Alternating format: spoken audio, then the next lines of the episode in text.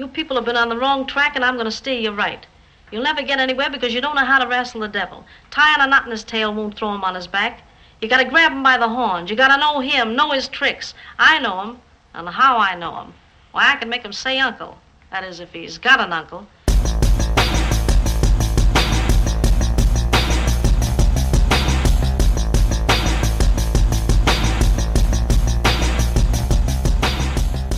Velkommen i kassen med David Bjerre, så har vi fat i komediedramaet Klondike Annie fra 1936. Welcome, Sister Annie. I'm Brother Bowser, superintendent of our settlement house. Pleased to meet you, Brother Bowser. Greetings, sister, greetings. I'm Captain Brackett. Oh, how do you do, Captain? I, I must thank you for seeing Sister Annie arrive safely. Oh, it was a pleasure. A pleasure. It's all his. Well, what do we do now, Brother Bowser? Let's go and meet our fellow workers. well, I'll take him. It's all right. He just likes to show his strength. Sister Annie, this is Sister Evans How do you do, Sister Annie? and Sister Nell and Brother Benjamin. How do you do, Brother? Oh, you have a lot of hard work ahead of you, sister. A lot of poor souls to be rescued. You will need all your strength. Yes, Brother Bowser. It isn't what you get in this world that counts, it's what you give. A splendid sentiment. hmm? Splendid. Onward to the settlement house. Denne sjette film på Mae Westes CV holder fast i den friske vinkel fra den forrige film. Men desværre med den her film, så får hun også sit hidtil mest alvorlige sammenstød med censuren, tror jeg godt, vi kan påstå. Men øh, det kommer vi alt sammen tilbage til senere. Lad os lige tage det fra en ende af. Lad os lige tage grundhistorien her i Klondike Annie først. Som jeg sikkert kommer til at kalde Klondike Annie undervejs, fordi clone ligger bare bedre på tungen. Men sådan er det. Alright. Klondike Annie følger en dancehall sangerinde. Ja, endnu en af dem, fordi det gør mange Mae West film jo. I det her tilfælde, i den her film, hedder hun Rose Carlton, og hun er altså havnet i kløerne på den her grumme kineser Chan Lo, som vi fornemmer sådan er lidt gangster-type. Og øhm, det, det, det bryder hun så ikke særlig meget om, så Rose Carlton, hun stikker simpelthen af fra den her kineser, og hun øh, stikker afsted for at starte på en frisk. Og øh, hendes flugt kommer til at foregå ombord på skibet Java Maid, og øh, det her simpelthen kurs mod havnebyen Nome i Alaska. Fordi vi er i, i, øh, i, i The Gay 90s igen, og, og der er det her Gold Rush i Alaska, så, så, øh, så det er der øh, Rose Carlton vil tage hen. Øh, og undervejs på den her tur med det her skib, der møder hun den rå kaptajn Bull Brackett, som får et godt øje til hende. Og undervejs på rejsen, så møder hun også en anden kvinde. Der kommer nemlig en anden kvinde ombord undervejs, og det er den fromme Sister Annie Alden. Og hun er på vej til Alaska for at hjælpe med missionærarbejdet. Fordi når der render alle de her slemme guldgraver rundt i landet, så, så, så finder de på slemme ting, og de skal jo ligesom høre om, om vor herre og sådan noget. Det, det er altså meget fint. Men fidusen er jo, at undervejs i den her rejse, så bliver Sister Annie syg. Alvorligt syg, og hun ender rent faktisk med at dø undervejs. Og øhm, så er det jo altså Rose Carlton, som er eftersøgt af politiet for mor. Og det kommer vi tilbage til senere. Så er det, at Rose Carlton, hun påtager sig Annies identitet. Og når de så, den her båd så dukker op i Nome i Alaska, så møder hun de, øh, de ventende lokale missionærer og lader som om hun er Annie, og hun er kommet for at prædike og sådan noget. Det gør Rose. Øh, men det er jo i, i stedet for bare at bruge den her nye identitet som sådan en, en måde at komme sikkert i land på og komme sikkert videre på, så beslutter Rose sig altså for at blive i byen. Og i stedet for at stikke af, så, så føler hun en vis form for ansvar over for den her døde øh, missionær Annie, hvis identitet hun har lånt. Så hun beslutter sig simpelthen for at blive i den by og gøre det arbejde færdigt, som Annie hun skulle have udført. Så så, øh, så nu bliver det altså Roses opgave at bringe anstændighed og afholdenhed til de her stordrikkende, horende guldgraver, og, og øh, det bliver hendes opgave at fylde den her missionshus med, øh, med gæster, som jo, jo normalt ikke er øh, indfinder sig der i, i en mission der midt i øh, The Gold Rush. Der, der, der er de øh, finde i saloonen normalt, men nu skal de altså øh, ind og øh, missioneres for. Det, det, det, det bliver en udfordring. Øh, og, og alt det her, det gør Rose selvfølgelig for at ære Anis minde og, og, og, og for at lave en form for soning over at have stjålet hendes identitet. Så skal vi virkelig forstå det sådan, at Mae West nu pludselig øh, påtager sig at bringe religion til det iskolde Alaska? Øh, kan det virkelig passe, at hun er blevet from her i den her film? Well, not entirely. Lad os bare sige, at der er mere på spil end som så i den her historie, men det skal vi også nok komme tilbage til. Men det er i hvert fald udgangspunktet, det her plot for Klondike Annie. Og filmen her er instrueret af Raoul Walsh. Han har 140 credits på IMDb, der strækker sig helt tilbage til 1913. Men det er altså en af de her gamle klassiske Hollywood-instruktører, som vi har hørt om før. Det vil jeg næsten våge at påstå, man har, hvis man har stiftet bekendtskab med den her øh, periode, altså 2030'erne og 40'erne og sådan noget. Fordi Raoul Walsh er ham, der instruerede The Roaring Twenties fra 1939. Han instruerede They Drive By Night, High Sierra og den klassiske gangsterfilm White Heat. Så ham har man formodentlig stødt på før. I hovedrollen som Rose Carlton, der også bliver kaldt The Frisco Doll, der har vi Mae West jo, som sagt, og det er hendes sjette film. Og øh, den her gang har hun, ja, hendes navn står stadig over titlen, det, det er altså meget fint, og hendes øh, forfatter-credit øh, her er, er lidt mere kompliceret. Der står Screenplay and Dialogue af Mae West, men så bliver der også krediteret to forfattere af et andet manuskript, Marion Morgan og George B. Dowell, som også havde credit på en tidligere Mae West-film, og de, de, det er altså et manus, hun har skrevet og inkorporeret i sin egen historie, plus der er en tredje forfatter, øh, Frank Mitchell Daisy, der også er krediteret på samme screen for at have, have øh, bidraget materiale til manuskriptet. Helt præcis, hvad, hvad for nogle elementer han har tilføjet, det, det skal jeg ikke lige gøre mig klog på, men, men øh, det, er, det er igen det her med, at Mae West har taget et, et ældre skuespil og kombineret med et andet manuskript, og så taget nogle andre idéer, og så stykket det sammen til det her, som vi ser på nu. Det er sådan lidt, der er ide, det der er ideen med, med, med den øh, komplicerede screen credit der. Sådan er det. Ellers på rollelisten, jeg vil ikke gå så meget i detaljer om de her øh, skuespillere, der er ikke så forfærdeligt mange af dem, jeg kender, men lad os bare lige øh, hive med, at vi møder Victor McLachlan som øh, Captain Bull Brackett, og øh, ham har man muligvis set i sådan noget som She Wore a Yellow Ribbon, eller Rio Grande, eller The Quiet Man, så han, er, ja, han har haft nogle større roller her og der. Øh, så møder vi Philip Reed som Inspector Jack Forrest. Det er en ung politimand, som snuser lidt rundt omkring den her øh, sag med, med den eftersøgte kvinde, og som Rose hun bliver forelsket i undervejs. Øhm, øh, øh jeg synes bare lige at øh, nævne nogle ting fra øh, Philip Reeds CV. Han har nemlig været med i The Woman in Red fra 1935, og The Last of the Mohicans fra 1936, og Bodyguard fra 1948. Så hvis man nogensinde brokker sig over, at moderne film genbruger lidt for mange titler, så ja, well, her tilbage i 30'erne, der har vi, og 40'erne, der har vi altså øh, tre titler, som vi, vi kender fra bedre fra moderne film. Men sådan er det. Alright, fair enough. Lad mig ikke gå for meget i detaljer ellers med rollelisten, men lad os bare sige, at vi, vi møder sådan nogle af de her folk fra den her mission, som, øh, som, som er i Nome, Alaska, og vi møder øh, folk fra, øh, fra den her saloon, som der er i området, som, som, øh, som, som vores kære øh, Mae karakter her, øh, øh, Rose, hun skal hun skal ligesom have, have taget publikum væk fra, fra, fra den saloon og over til sin egen mission, og det, det så vi møder de damer, der er på den øh, saloon der, og så møder vi altså også ham her, Chan Lo, spillet af, af Harold Hooper, som, er, som ikke er kineser, men som altså fremstår som kineser her. Og så er der altså også nogle mindre karakterer, blandt andet en tjenestepige, som, som, øh, som øh, Rose hun har, der bliver spillet af kinesiske skuespillere. Så igen det her med, at Mae West ofte har sådan andre etniske minoriteter med sin, eller etniske, et, etniske minoriteter med i sin, sin, sin film på en eller anden plan. Så, øh, men skurken bliver som sagt spillet af en, der basically har yellow face på, men, men uh, ja, det, igen, det er en anden tid, så, så det skal vi ikke dvæle alt for meget ved. Lad os i stedet bare kaste os over filmen. Lad os kaste os i kødet her på Klondike Annie.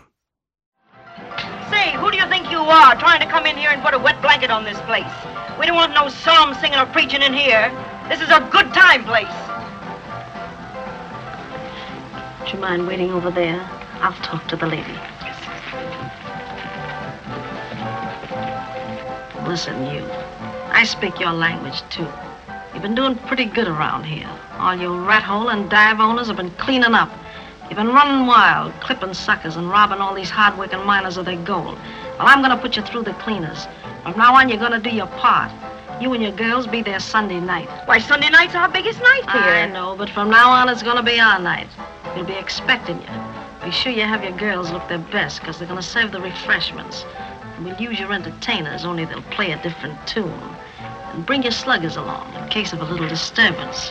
Oh, all this reform stuff is funny to me. Funny, huh? Well, let me tell you something. Any time you take religion for a joke, the laugh is on you. And if you know what's good for you, you'll be there. Som sagt, umiddelbart så starter den her film lidt, hvor andre Mae West-film også starter. Vi er tilbage i The Gay 90s, og ja, jeg mener endnu en gang om, at det er en anden slags gay, og at det er 1890'erne, vi snakker om. jeg elsker bare det her udtryk, The Gay 90s. Åh, oh, fantastisk. Øh, og endnu en gang så møder vi altså Mae West, som er stjernen i et show, og det er jo igen det her setup med, at alle snakker om den her øh, The Frisco... Øh, The Frisco Doll, som hun spiller, øh, som, som er hendes scene, stage performance karakter. Øh, alle snakker om hende, før vi ser hende, og så dukker hun op og synger og der spiller og sådan noget, og alle bliver imponeret. Det er altså meget fint. Det er, det er sådan, som mange med West film starter. Men fidusen er jo lidt, øh, der er noget anderledes ved den her film. For det første så er vi i Chinatown i San Francisco i starten af den her film. Vi er altså i et kinesisk eget etablissement, den her, den her, øhm, øh, det her dance hall, vi er i i starten. Og øh, denne her gang, når vi møder Mae West, spiller hun altså ikke den her glade babe, der har succes og nyder alle mulige mænd. Hun spiller en, en, en kvinde, der nærmest er fanget i den her situation og vil væk fra den her den her kinesiske gangster, der hun er havnet i, i kløerne hos. Og, og det giver allerede en anden, lidt anderledes tone i filmen. Og Øh, ret hurtigt, så kommer vi altså væk fra den der situation, hvor vi kommer væk fra de der øh, velkendte Mae West omgivelser med scenen og på hendes performances og sådan noget. Øh, første del af filmen, så tilbringer vi ombord på det her skib på vej mod Alaska, og næste del af filmen, rest, den resterende del af filmen, der, der er vi altså i den her guldgraveby i Alaska. Så det er igen et helt nyt miljø, det føles anderledes, det føles frisk, og det er fedt nok. Og den her nye location, det gør selvfølgelig, at det her ikke bare føles som endnu et remake af, af forrige film. Øh, Klondike Annie føles øh, øh, frisk, og, og, øh, og historien føles også øh, anderledes på andre planer, øh, grundet nogle af de ting, vi vender tilbage til lidt senere. Og overordnet set, så har filmen altså også mere alvor i sig, fordi så, så, selvfølgelig allerede fra start, fordi der er det her med, at Rose Carltons situation er lidt alvorlig i starten. Altså hun, hun virker Altså, trykket og presset af den her situation, hun er i. Hun virker som en, en, en, en, en kvinde, der, der er der er spadet inde nærmest, øh, og, og øh, der er hele det her balladen omkring flugten fra politiet, det er også lidt mere alvorligt, end det vi har set i andre Mae West-film, og det er som om, der er flere dramatiske nuancer i den her Rose-karakter. Hun er ikke så u- ubekymret, som Mae Wests karakter normalt er, og Mae West spiller også den her rolle, bedre, end hun har spillet, eller hun, hun, hun spiller, øh, hun spiller, hun har mere at spille med, om jeg så må sige. Lad mig sige på den måde. Der er mere alvor i rollen, så hun har mere arbejde med, og vi kan se, at hun, hun er faktisk en god skuespiller, og, og hun får noget godt drama ind i de der, øhm, øh, øh, de der momenter, som den her karakter står overfor, og, og, og det, det, det, øhm, det, det er virkelig fedt. Men der er altså en ting, der virkelig er bizarre i, øh, i den her film, og det leder os ind i hovedproblemet med øh, Klondike Annie. Hvorfor fanden i helvede er Rose Carlton pludselig eftersøgt for mor midt i det hele? Altså i starten af filmen, der etablerer det, at, etableres det, at Rose Carlton, hun, øhm, hun vil væk fra den her kinesiske gangster, og hun risikerer liv og lemmer ved at gøre det. Og i forsøget på at, at stikke af fra ham her, Chan Lo, der, der er der andre folk, der hjælper hende, og det bliver etableret, at de er i livsfare, fordi de hjælper hende. Og pludselig, i næste scene, så spankulerer Rose Carlton altså ombord på det her gode skib, som vi skal vi tilbringer øh, noget af rejsen med, øh, mod, mod Alaska. Så går hun bare ombord sammen med sin kinesiske tjener, og så, så, så er det det. Og, og pludselig, en halv time ind i filmen, så er Rose Carlton eftersøgt for mor. og hvad fanden i helvede var det lige, der skete der? Well, som man måske nok har, øh, har regnet ud på nuværende tidspunkt, grundet øh, de forrige øh, film, vi har snakket om her med, med US-serien. Øh, man kan nok gennemskue, det er censuren, der er på spil. Det er censuren, det er The Production Code Administration, og det er Joseph Breen, der har blandet sig i den her sag. Det er derfor, vi har den her bizarre, besynderlige situation, vi har i den her film. Now tell me, what did you hear and what did you see? Nothing. Nothing? Didn't I give you a dollar to keep your eyes open? Yeah, but she gave me two dollars to keep my mouth shut. Oh, she did, did she? Well, I'll give you three dollars. Here. Now what do you know? She went out skating with Brother Bowser. Went out skating with Brother Bowser?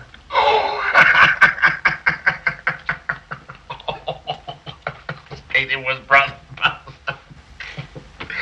You're all right, kid. Now, for five dollars more, I'll tell you the truth. Men lad os lige tage et skridt tilbage, før vi når til Joseph Breens indblanding. Fordi fidusen med Klondike Annie, det er, at den, den bliver sat i produktion i øh, 1935, i løbet af 1935. Og de skyder den i slutningen af 1935. Og 1935 er et fucked up år for Mae West, apparently. Øhm, der er en skandale, der pludselig er dukket op med, at hun har et, et, et ægteskab fra da hun var jeg tror det er 19 år gammel, eller sådan noget i stil der, som hun altså aldrig har fået annulleret og sådan noget, så hun er rent faktisk gift med en eller anden fyr, og det, det var sådan, det var stor skandale, fordi hun fremstår som den her independent woman, og hendes karriere frem for alt, og hun har ikke tid til ægteskab. Det havde hun heller ikke, så hun har nærmest aldrig boet sammen med den her fyr, hun blev gift med, da hun var yngre, men, men ikke desto mindre, så er der altså papir på det, og det, det skaber en skandale. Derudover, så i løbet af 1935, så bliver Mae West mål for et plot, hvor nogle folk forsøger at presse penge ud af hende, og hvis hun ikke betaler, vil de kaste syre i hovedet på hende. What the actual fuck? ja, ja det, det, var, det var en del af de ting, hun kæmpede med undervejs.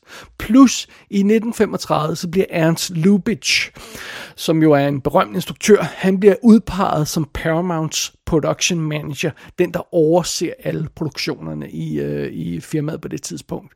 Han holdt ganske vist kun et år i stillingen, men han når altså at skabe en del ravage i det år. Øh, specielt fordi han ikke kunne lide Mae West, han kunne ikke lide hendes stjernestatus, han kunne ikke lide hendes opførsel, han kunne ikke lide hendes film, han, og hun kunne ikke lide ham. så, så simpelt kan det siges. Og øh, i sin øh, selvbiografi, så, så, så fortæller instruktøren Raoul Walsh altså en historie om, at Mae West kommer en lille smule for sent en dag, fordi hun har kæmpet med sit, sit få sat sit hår eller sådan noget, den stil, og så dukker øh, Ernst Lubitsch op på sættet og begynder at, at, at brokke sig til hende, hvorefter hun fysisk begynder at pande ham en med sådan en spejl, hun står med i hånden, og jager ham ud af sættet simpelthen. Production manageren i det studie, hun, hun arbejder for. Øh, og, og, og, og apparently efter den dag, så kom hun altid en halv time for sent af princip, simpelthen bare fordi han skulle, øh, skulle ikke have lov til at sige noget som helst. Det fortæller instruktøren selv om, og der, det er altså andre videre til, den skulle være god nok. Så meget havde de to hinanden. Så, så, så, det er, så det er en, en problematisk situation, med West hun befinder sig i, når hun laver den her film i, i, i starten af, øh, i, i midten af 1935. Og oven i det, så har censuren altså gennemskuddet hende nu. Og jeg snakkede om det i forbindelse med forrige film. Jeg snakkede om altså det her med, at hun, hun sagde, at hun kunne få ting forbi censuren ved at lade dem klippe nogle værre ting, og så lade nogle nemmere ting komme forbi. Og, og og altså det, det holder jo ikke i længden, og det gjorde det ganske vist heller ikke. Og på det her tidspunkt, så er Mae West simpelthen blevet symbol for Hollywoods moralske forrådelse. Og hun er havnet i en situation, hvor der simpelthen er så meget fokus på hende, at, at, at øh, censurkontoret, censurkontor, Hayes-kontoret, vil ikke have, at hun slipper afsted med noget som helst. Hverken i forhold til historie øh, i de manuskripter, hun, hun, øh, der skal tjekkes, så hun skal producere, ikke i karaktererne, i dialogen, eller helst, altså, ikke engang i opførselen vil, øh, vil de lade hende slippe afsted med noget som helst. Og den mest radikale konsekvens af det her forhold, som censuren nu har til Mae West, det er, at der bliver klippet, øh, lidt afhængig af forskellige kilder, et eller andet sted mellem 6 og 8 minutter bliver der klippet ud af den her film Klondike Annie. Og det er blandt andet to centrale scener, der bliver fjernet fra filmen. Den første er Rose Carlton, der myrder Chan Lo i selvforsvar. Altså hun myrder den her kinesiske gangster, der holder hende fanget, basically. Og den scene er simpelthen blevet klippet ud. Og det er derfor, at øh, filmen er så bizarre i starten, fordi den her scene, flugten for den her mand, er jo helt omdrejningspunktet for hele historien. Altså hele handler jo om, at den her karakter skal slippe væk fra det hun har, mor, hun har begået. Øh, og, og det er altså ikke med i filmen. Og øh, noget andet af det, der blev klippet ud som centralt, det er det her med, at øh, når den her øh, stakkels fromme søster Anne, hun dør, øh, og, og, og de to kvinder deler jo naturligvis kan hytte sammen, fordi de to kvinder, så de, de kan godt bo sammen. Når, øh, så, så Rose Carlton, hun gør jo simpelthen det, at hun maskerer den her døde Annie med makeup og tøj, så, så politiet tror, at det er Annie, der er den her undslupne øh, music hall girl Rose Carlton, og Rose Carlton påtager sig Annies identitet. Men man ser hende simpelthen øh, åbenbart øh, øh sminke livet, sådan så at det, det vil være troværdigt, når myndighederne finder den her døde kvinde, som jo simpelthen bare er død af sygdom, øh, at det vil troværdigt, når, når, når myndighederne finder den her kvinde, at de tror, det er hende her, øh, den her dance hall girl.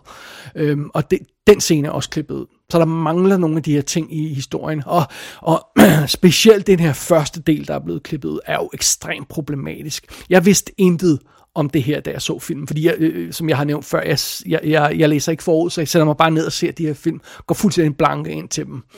Øh, men jeg kender jo situationen omkring med West på nuværende tidspunkt, og jeg kender også problemer omkring censuren. Øh, så, så det sekund, jeg, jeg, der manglede det her i filmen, så er, så er jeg overhovedet ikke i tvivl om, at det var censuren, der havde været en, der fjerne det her mor.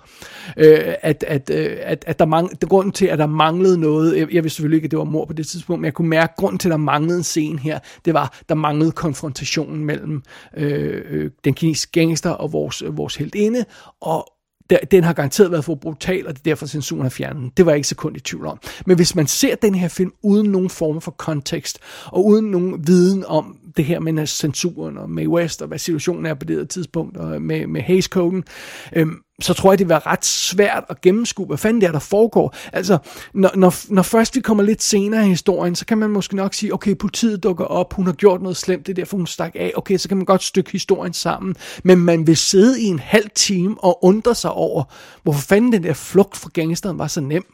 Øh, det vil man gøre, hvis man ikke ved noget som helst om, om, om, om, om hvad, der, hvad der er udenom den her film. Og det, det, det er meget bizart. Og problemet med det her er jo også, at i modsætning til andre film, der er blevet ramt af censuren gennem tiderne, så har, så har man altså ikke kunne rekonstruere den her film. Uh, apparently så er de her klippede scener i Klondike Annie, de er simpelthen blevet destrueret. Uh, Paramount solgte sine arkiver videre og destruerede alle sine outtakes.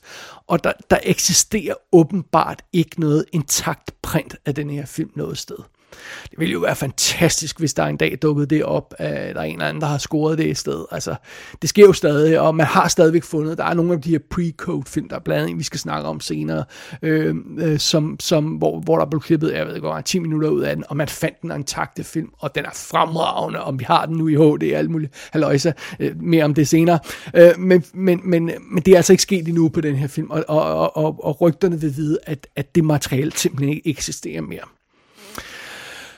Men her stopper filmens kamp mod censuren altså ikke. Det er jo ikke bare de der to øh, scener, som, som er blevet fjernet fra Klondike Annie.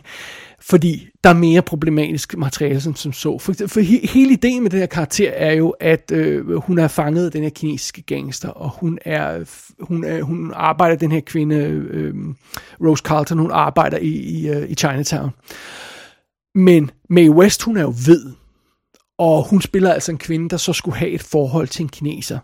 Og det går ikke. Det er umoralsk. i forhold til censuren, Hayes-kontoret, så nytter det ikke noget. Man vil jo forvejen heller ikke se sådan noget som, at der er en sort person, der har et forhold til en hvid person. Det er også forbudt. Men hvis man blander gult ind i øh, den her øh, mix, så går det helt galt. Altså, if it ain't white, it ain't right. Det er ligesom censurens øh, position. Og ja, det, det er naturligvis ikke overraskende, at øh, folk, der ønsker at censurere film, og, og de her religiøse fanatikere på, på, på, på den gang, øh, på, på datidens, øh, øh, som, som er på spil her, altså det, det er jo ikke overraskende, at de er dybt racistiske også. Det går ligesom med the turf. Men, øh, men sådan er det. Øh, det eneste, jeg er overrasket over i den her film på det plan, det er, at de, de rent faktisk alligevel lader hende synge den sang, som hedder I'm an Occidental woman in an Oriental mood for love. Og Occidental i den her sammenhæng betyder altså vesterlandsk. Hun er en vesterlandsk kvinde, der er i humør til orientalsk kærlighed. Den får hun rent faktisk lov til at synge undervejs i den her film. I'm an Occidental woman in an Oriental mood for love. And I feel a thrill of China when I see a yellow Buddha moon above. Men der er naturligvis flere ting, som censuren gik amok over. Der er jo hele den her religiøse vinkel i filmen. Det her med, at den Øh, øh, øh, den, den, den, øh, den her dancehall girl, Rose Carlton, hun møder den her fromme Annie, Sister Annie. Og på et tidspunkt, så giver Sister Annie Rose en bog, som helt åbenlyst er Bibelen. Hun siger jo, læs nu den her bog. Det kan være, du kan få noget godt ud af den. Det kan være, det kan hjælpe dig lidt og sådan noget.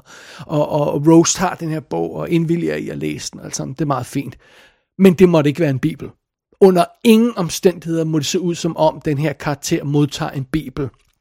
Så det er en anden bog. Man ser forsiden af den, det er en anden bog. Og det, det er også en ting, der kan skabe en lille smule forvirring. Igen, fordi jeg kender konteksten i den her film, og fordi jeg kender det med censuren, så sidder jeg øjeblikkeligt og tænker på, jamen, hvor, det er da nok en bibel. Hvorfor er det ikke en bibel? Det skulle nok censuren, der har været på spil igen.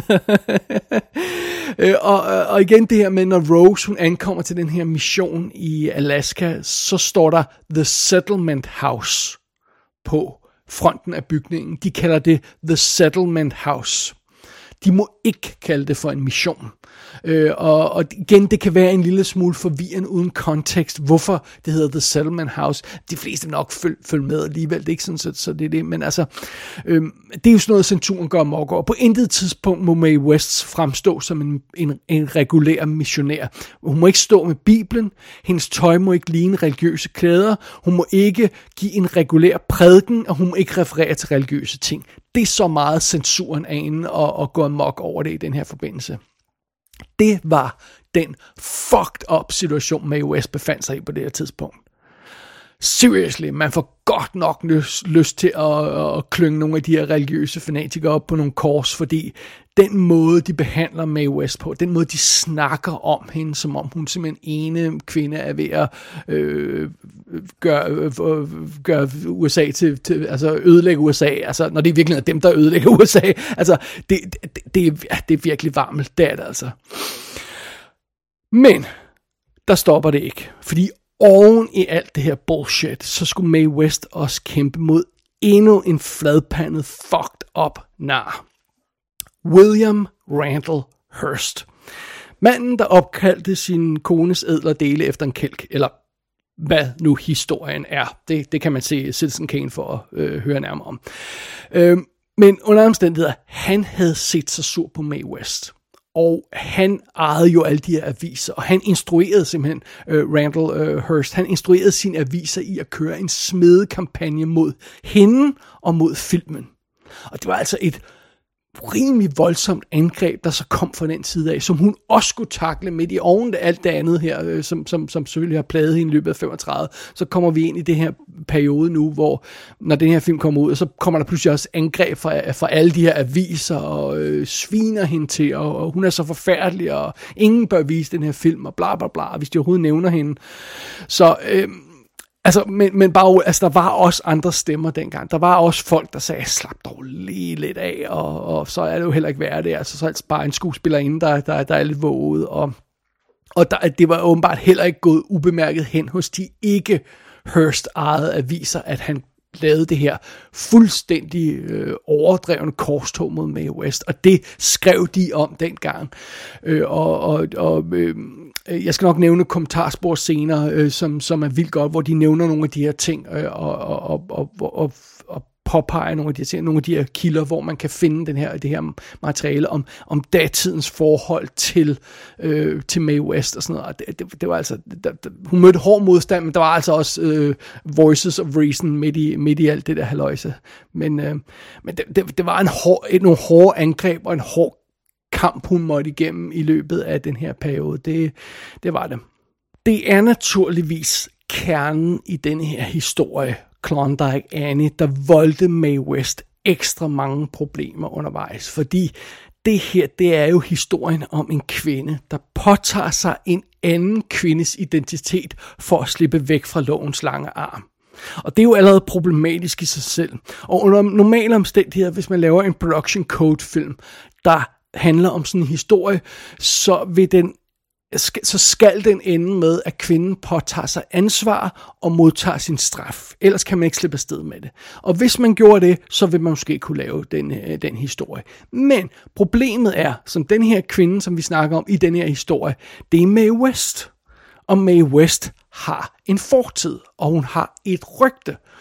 Og øh, oven i det, så med, med alt det, øh, når man tænker på alt det Mae West, hun står for, oven i det, så spiller hun altså... Øh, øh, øh, eller så, så, så, så den her kvinde, hun, som hun stjæler en identitet fra, hun er jo den diametrale modsætning.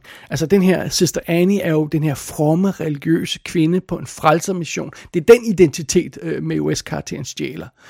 Øh, og det som Mae West-karakteren øh, Rose gør med den her religiøse kvindes identitet, det er jo så, at hun hun, hun påtager sig øh, øh, den her døde kvindes opgave, og så prædiker hun for de her fordrukne guldgraver, og hun får dem på bedre tanker. Hun får dem rent faktisk lukket ind i den her mission undervejs, øh, og får dem til at lytte til sine ord, øh, selvom de ikke har lyttet til, til, til prædiken før.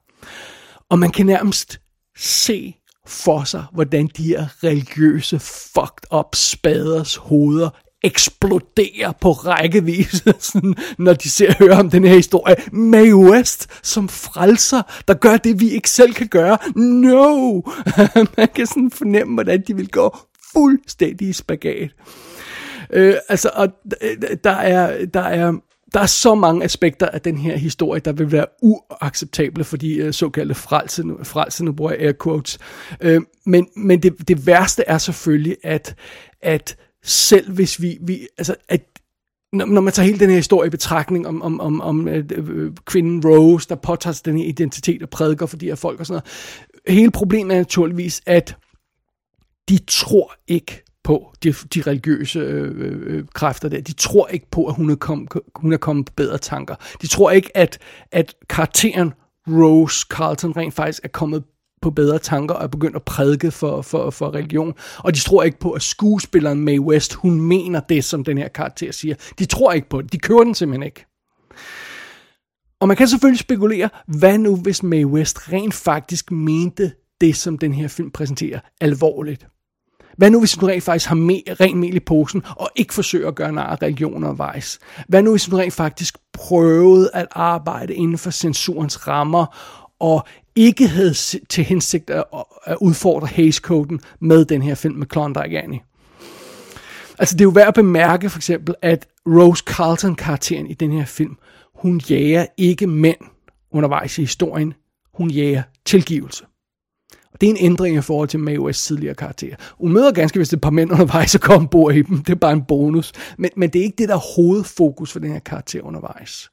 Og Rose Carlton, som, som øh, når, når hun stiller sig op som den her falske Annie og prædiker afholdenhed, så hører det også med til historien, at Mae West drak og røg ikke selv. Så det er ikke sådan et uærligt budskab. Hendes karakter drikker altid og ryger altid i sådan en film, men det gjorde hun rent faktisk ikke selv i virkeligheden. Så det er ikke et uærligt budskab, hun forsøger at, at, at, at komme ind i den her film, alt andet lige. Men alligevel, når alt det er sagt, jamen altså, det virker hult, når Mae West, hun skal stille sig op på en scene og prædike for en menighed om, at religion er en god ting, og de ikke skal drikke så meget. Altså, det virker hult. Det gør det bare.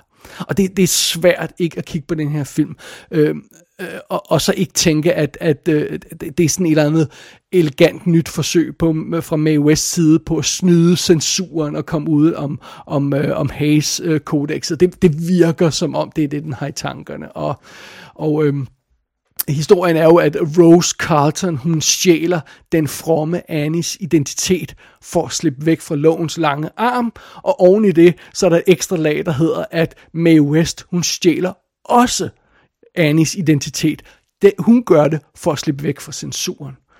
Øh, altså, øh, øh, det kan ikke være tilfældigt. og det virker bestemt on-brand for Mae West, hvis man kigger på den her film og tænker, at det er meningen, den skal udfordre censuren. Altså på papiret, så prædikes der afholdenhed og ærlighed og respekt og alle sådan ting der. Det er altså meget fint. Men afsenderen af det her budskab er jo altså stadigvæk en fræk dame, der har sex med kinesere, har begået mor og har stjålet en identitet, og som bliver spillet af en kvinde, hvis hele karriere ligesom har, har, har udfordret nationens moral. Det er stadigvæk den situation, vi befinder os i her i Klondike Annie. Øhm, så hvis der er et eller andet i Mae West, der gjorde, at hun rent faktisk mente dele af den her historie alvorligt. Øhm, hvis det her rent faktisk var hendes forsøg på at føje censuren og blive stueren, så burde hun bestemt have gjort det nemmere for sig selv. Altså, der er en del påfaldende ting i den her film, som hun kunne have fjernet eller ændret, og så gjort øh, historien mere spiselig for censuren. Og, og det er også derfor, jeg ikke helt kører teorien om, at, der, at Mae West rent faktisk skulle stå bag den her films budskab på en eller anden plan, som der er nogen, der spekulerer på. Der er sådan en uenighed, synes jeg, for forskellige kilder om, hvor, hvor alvorligt man skal tage øh, temaet i den her film. Men, men øh, jeg kan i hvert fald konstatere, at de religiøse grupper dengang, de så os gennem filmen. De har faldt ikke for det her. Og jeg forstår godt, hvis de følte, at, at filmens sande budskab var et angreb på den organiserede religions bundløse hyggeleri. Øh, det, det er også det indtryk, jeg får, når jeg ser filmen. Det er, det, det er den tolkning, der giver mest mening, alt andet lige, det hele taget betragtning, det må jeg altså tilstå. Øh, men fidusen er, selv hvis Mae West havde ment den her, det, her, det her budskab i filmen, hvis hun havde ment det alvorligt, og selv hvis hun havde gjort alt rigtigt og totalt fået censuren og gjort som uh, Randall Hearst ville have. Hvis hun havde gjort alt det, så var det nok alligevel ikke gået, fordi hun er stadigvæk Mae West. Og Mae West som figur stod for kvinders frigørelse øh, og, øh, frigørelse og uafhængighed og seksuel frihed, herunder øh, frihed til at have sex på kryds tværs af hudfarver. Synd, sex og åbenhed, altså det er, hvad hun står for. Så, så øh, med andre ord, alt det, som, som det religiøse, moralske politi, øh, politi forsøger at stoppe. Og, og, og øh, ja, det, det er stadigvæk det, hun står bag. Så hun, altså, det, er, det er virkelig en hård kamp, hun er op mod. Der er jo andre af datidens film, som fik vendt censuren til en fordel.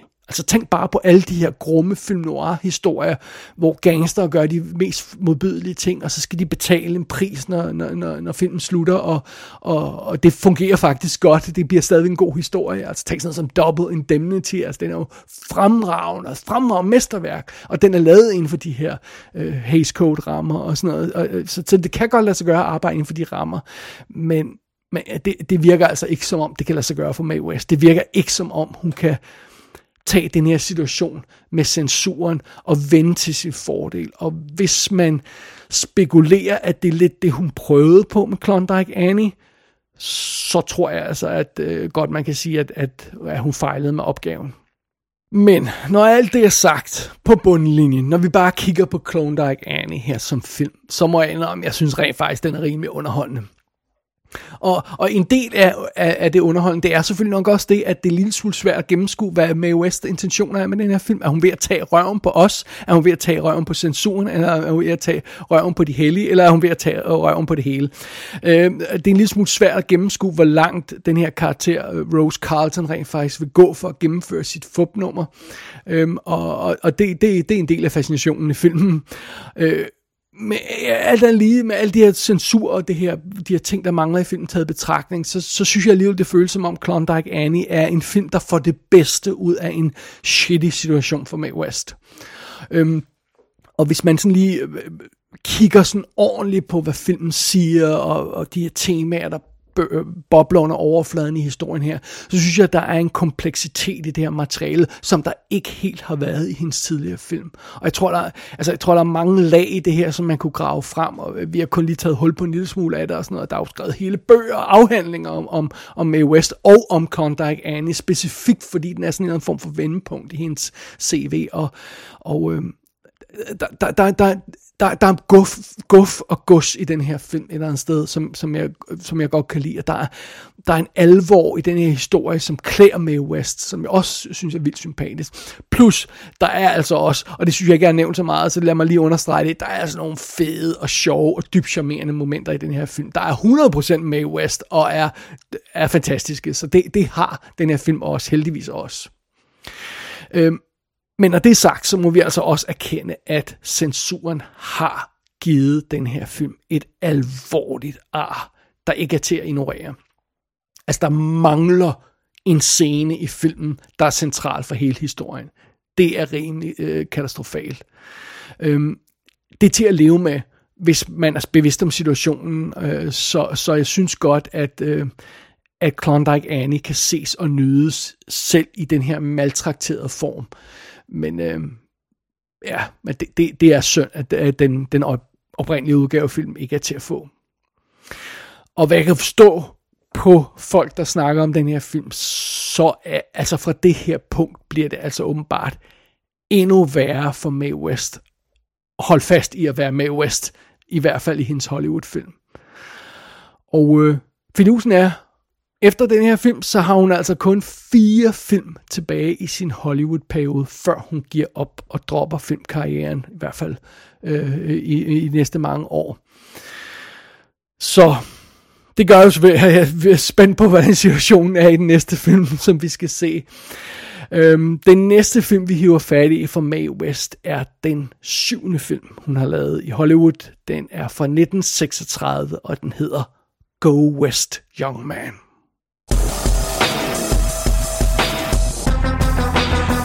Klondike Annie er at finde i May West en Hollywood Blu-ray-boksen for Powerhouse Films, og så er der en Kino Lorber Region A Blu-ray med et fremragende kommentarspor af Alexandra Heller Nicholas og Josh Nielsen. Virkelig, virkelig værd at lytte til. Gå ind på ikassenshow.dk for at se billeder fra filmen. Der kan du også abonnere på dette show og sende besked til undertegnet. Du har lyttet til I Kassen med David Bjerg.